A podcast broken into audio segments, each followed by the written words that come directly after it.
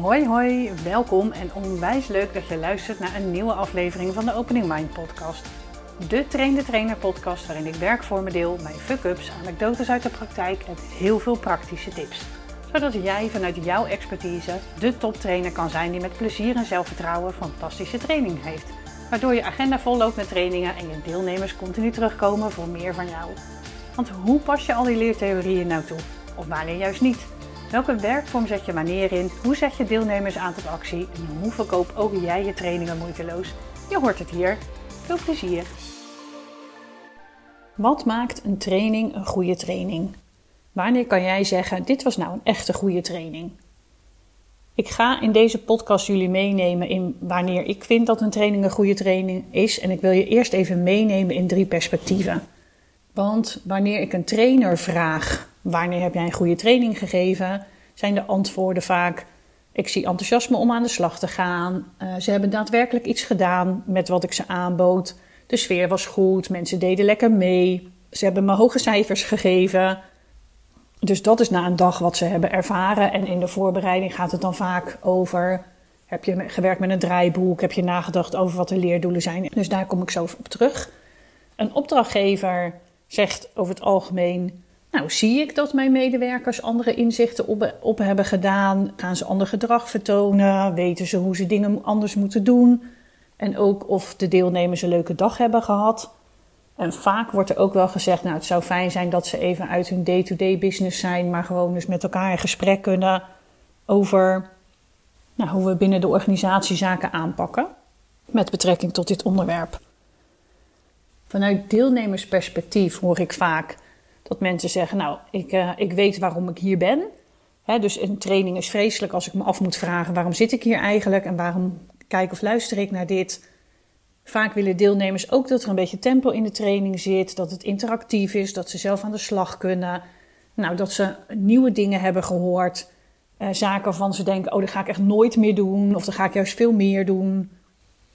En dat er misschien ook wel zaken in zaten waarvan ze dachten: hey, dat ga ik gewoon nooit meer vergeten. In deze podcast ga ik het bespreken vanuit trainersperspectief en vanuit opleidingskundig perspectief. Want wat is nou belangrijk voor een goede training? Als eerste doelgericht. Een effectieve training heeft hele duidelijke leerdoelen die je bij voorkeur samen met deelnemers en opdrachtgever van tevoren hebt bepaald. En waarom vind ik het zo belangrijk dat je dit met deelnemers en opdrachtgever doet? Je hoeft je leerdoelen niet tot helemaal een miniem detail uit te werken, maar wel wat moet er nou aan het einde van de training? Wat moeten mensen weten? Wat moeten ze kunnen? Waar moeten ze mee gewerkt hebben, wat hebben ze ervaren. En het voordeel vind ik, als je het met de deelnemers afspreekt, dat eh, de kans veel groter is dat deelnemers veel gemotiveerder zijn. Veel meer zin hebben in, oh ja, dit ga ik doen, want ik heb regie uit kunnen oefenen op wat we in deze training gaan doen. Waardoor het gewoon veel effectiever wordt. En de hele training is dus gericht op het bereiken van die specifieke competenties op vaardigheden. Doelgericht betekent voor mij ook dat je hem afstemt op het niveau van je doelgroep. Dus zowel wat is hun ervaring met leren? Wat weten en kunnen deelnemers al? Hoe is hun leervermogen? Dit zijn vragen die op het moment dat ik de deelnemers niet kan spreken, ik ook aan de opdrachtgever stel. En het is misschien ook iets wat je aan het begin van de training wilt toetsen. Een ander iets wat ik heel belangrijk vind is de veiligheid in de training. Dus er zijn duidelijke werkafspraken over hoe je met elkaar aan de slag gaat in je training. En wat bijvoorbeeld kan gaan over telefoongebruik. Maar vooral, je creëert een veilige sfeer om te leren. Dat gaat er dus over dat je met aandacht er bent, zowel jij als trainer als de deelnemers. En daarnaast veiligheid gaat dus ook over wat er allemaal gedeeld kan worden.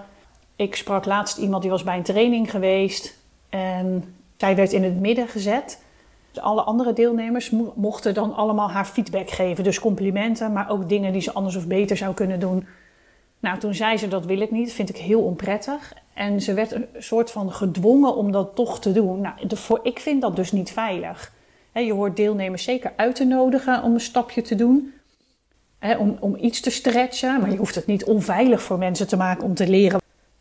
Nog iets wat ik heel belangrijk vind is structuur. Je hebt een plan, je hebt een structuur bedacht waarmee je de doelen gaat bereiken. Je hebt dus een logisch opgebouwd draaiboek met leerdoelen. Een hele structuur waarin je theorie, modellen en werkvormen op elkaar afgestemd zijn, zodat je dus die leerdoelen kan gaan halen. Iets anders wat ik nog heel belangrijk vind is afwisseling. Dus er is veel interactie, er is oefenen, er is reflectie. Je wisselt af tussen vormen van werkvormen. Er is veel afwisseling tussen theorie en praktijk en de focus ligt op het aanleren en toepassen van vaardigheden. Nou, waarom? Theorie kan in principe ook wel vanuit een boekje geleerd worden. Of je maakt er een online les van die van tevoren gevolgd moet worden. Maar een training is mijn inziens echt bedoeld om te oefenen met vaardigheden. En dat kunnen vaardigheden zijn die je al hebt, die je aan gaat scherpen, of vaardigheden die je nieuw moet gaan leren. Die interactie gaat over dat je actief interactie met en tussen deelnemers aanmoedigt. Dus je creëert interactieve sessies, groepsdiscussies, gesprekken. Dit draagt allemaal bij aan die leerervaring. En ja, mijn uitgangspunt is toch altijd dat ik minder dan twee minuten probeer te praten. In de zin van dat ik altijd veel vragen stel, veel connectie maak met mensen. Zodat ze uitgenodigd worden dus tot die interactie. Waardoor het ook veel meer als een samenwerking voelt. Iets anders wat ik belangrijk vind is regie. Hoeveel regie geef je je deelnemers? Als trainer ben je verantwoordelijk voor de inhoud en hoe je de training opbouwt. En wanneer deelnemers invloed uit kunnen oefenen, zijn ze vaak meer betrokken. En je bent wel de expert. Soms moeten deelnemers ook gewoon iets leren of oefenen wat ze spannend vinden. En dan zijn er altijd deelnemers die de neiging hebben om te zeggen: Dat wil ik niet leren, of dat kan ik al. En dat is dan toch vaak omdat ze het spannend vinden. Dus je wil die deelnemers ook uitnodigen om toch iets te oefenen wat ze misschien nog niet zo heel goed kunnen. Nou, wat je zou kunnen doen als het gaat over regie. Je kan natuurlijk wel het theoriegedeelte onderzoeken met elkaar wat deelnemers al weten van het onderwerp. Dus je zou kunnen zeggen: Ik ga jullie nu dit vertellen over hoe leren werkt. Of je vraagt aan de mensen: Wat weten jullie al als trainer zijn? Dus dat is mijn doelgroep, is natuurlijk trainers. Dus als ik met trainers werk, vraag ik altijd: wat weet je allemaal al over hoe leren werkt? En dan hoor ik of mensen in ieder geval een soort basaal idee hebben over wat gebeurt er in je brein en in je lijf als je gaat leren. En daar pas ik dan over het algemeen ook mijn eigen theoriestukje over hoe leren werkt dan op aan. Of ik doe elke keer de koppeling, zoals Pietje net zei, of zoals Jantje net zei, zodat het veel meer um, wordt als iets wat, wat je met elkaar doet. Daarmee kom ik ook op de koppeling met de praktijk, oftewel je training is relevant. Wat bedoel ik daarmee?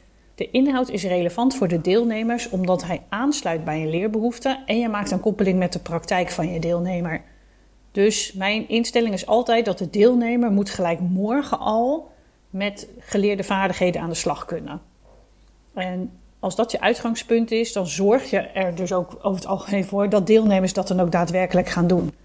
En de deelnemer merkt dus ook zelf dat hij er echt iets aan heeft om dit te leren. En stel dat je iemand iets leert wat hij pas over een half jaar voor het eerst in gaat zetten, dan is de leerurgentie natuurlijk niet zo groot en gaat hij ook niet oefenen.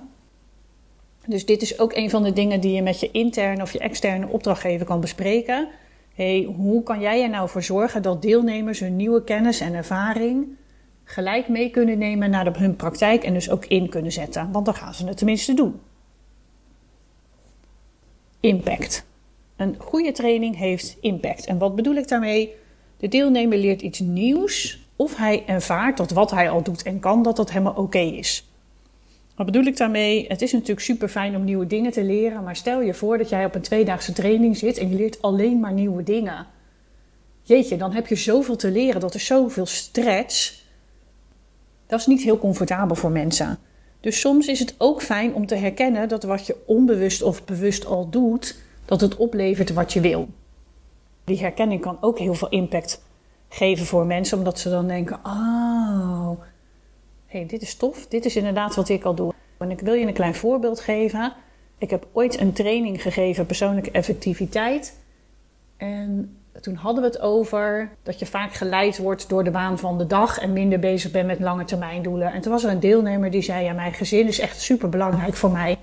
En toen hadden we het over hoe besteed je dan je tijd? Ja, zei hij: Ik vind eigenlijk toch wel. Ik weet hoeveel ik op mijn telefoon kijk tijdens het eten. Of als ik thuis kom en ik moet nog even wachten tot het eten klaar is. En dan, ja, ik besteed wel wat aandacht aan mijn kinderen. Maar ik vind eigenlijk stiekem ook wel relaxed dat zij nog even televisie kijken. En dat zou ik toch liever anders willen. Dus hij weet dat al.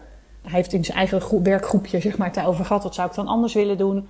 En toen zei hij: Ga nu met mezelf afspreken en met mijn vrouw. Als ik thuis kom van 6 tot 8, leg ik mijn telefoon gewoon weg. Heeft hij gedaan. En hij mailde na twee dagen al en zei meer, dit is echt de beste beslissing geweest van mijn leven. Ik wist dit al, dat ik dit wilde. En de training heeft ervoor gezorgd dat het nu ook daadwerkelijk een commitment werd. Hij had het met zijn vrouw besproken. Ze zijn daar gelijk mee begonnen. Hup, telefoons aan de kant tussen 6 en 8. En hij zei: Het is niet normaal dat binnen twee dagen hoeveel er veranderd is in mijzelf. Ik heb niet meer die onrust.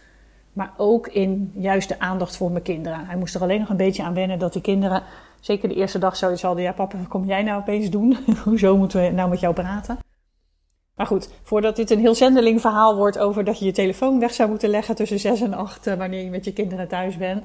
Het gaat me er vooral over. Er was gelijk een koppeling met de praktijk en er was dus heel veel impact. Omdat hij, deze deelnemer wist al wat hij wilde, hij deed het alleen gewoon nog niet. Dus ook daarin kan jouw training heel veel impact hebben. Ga ik ook gelijk door naar de volgende. Inspirerend.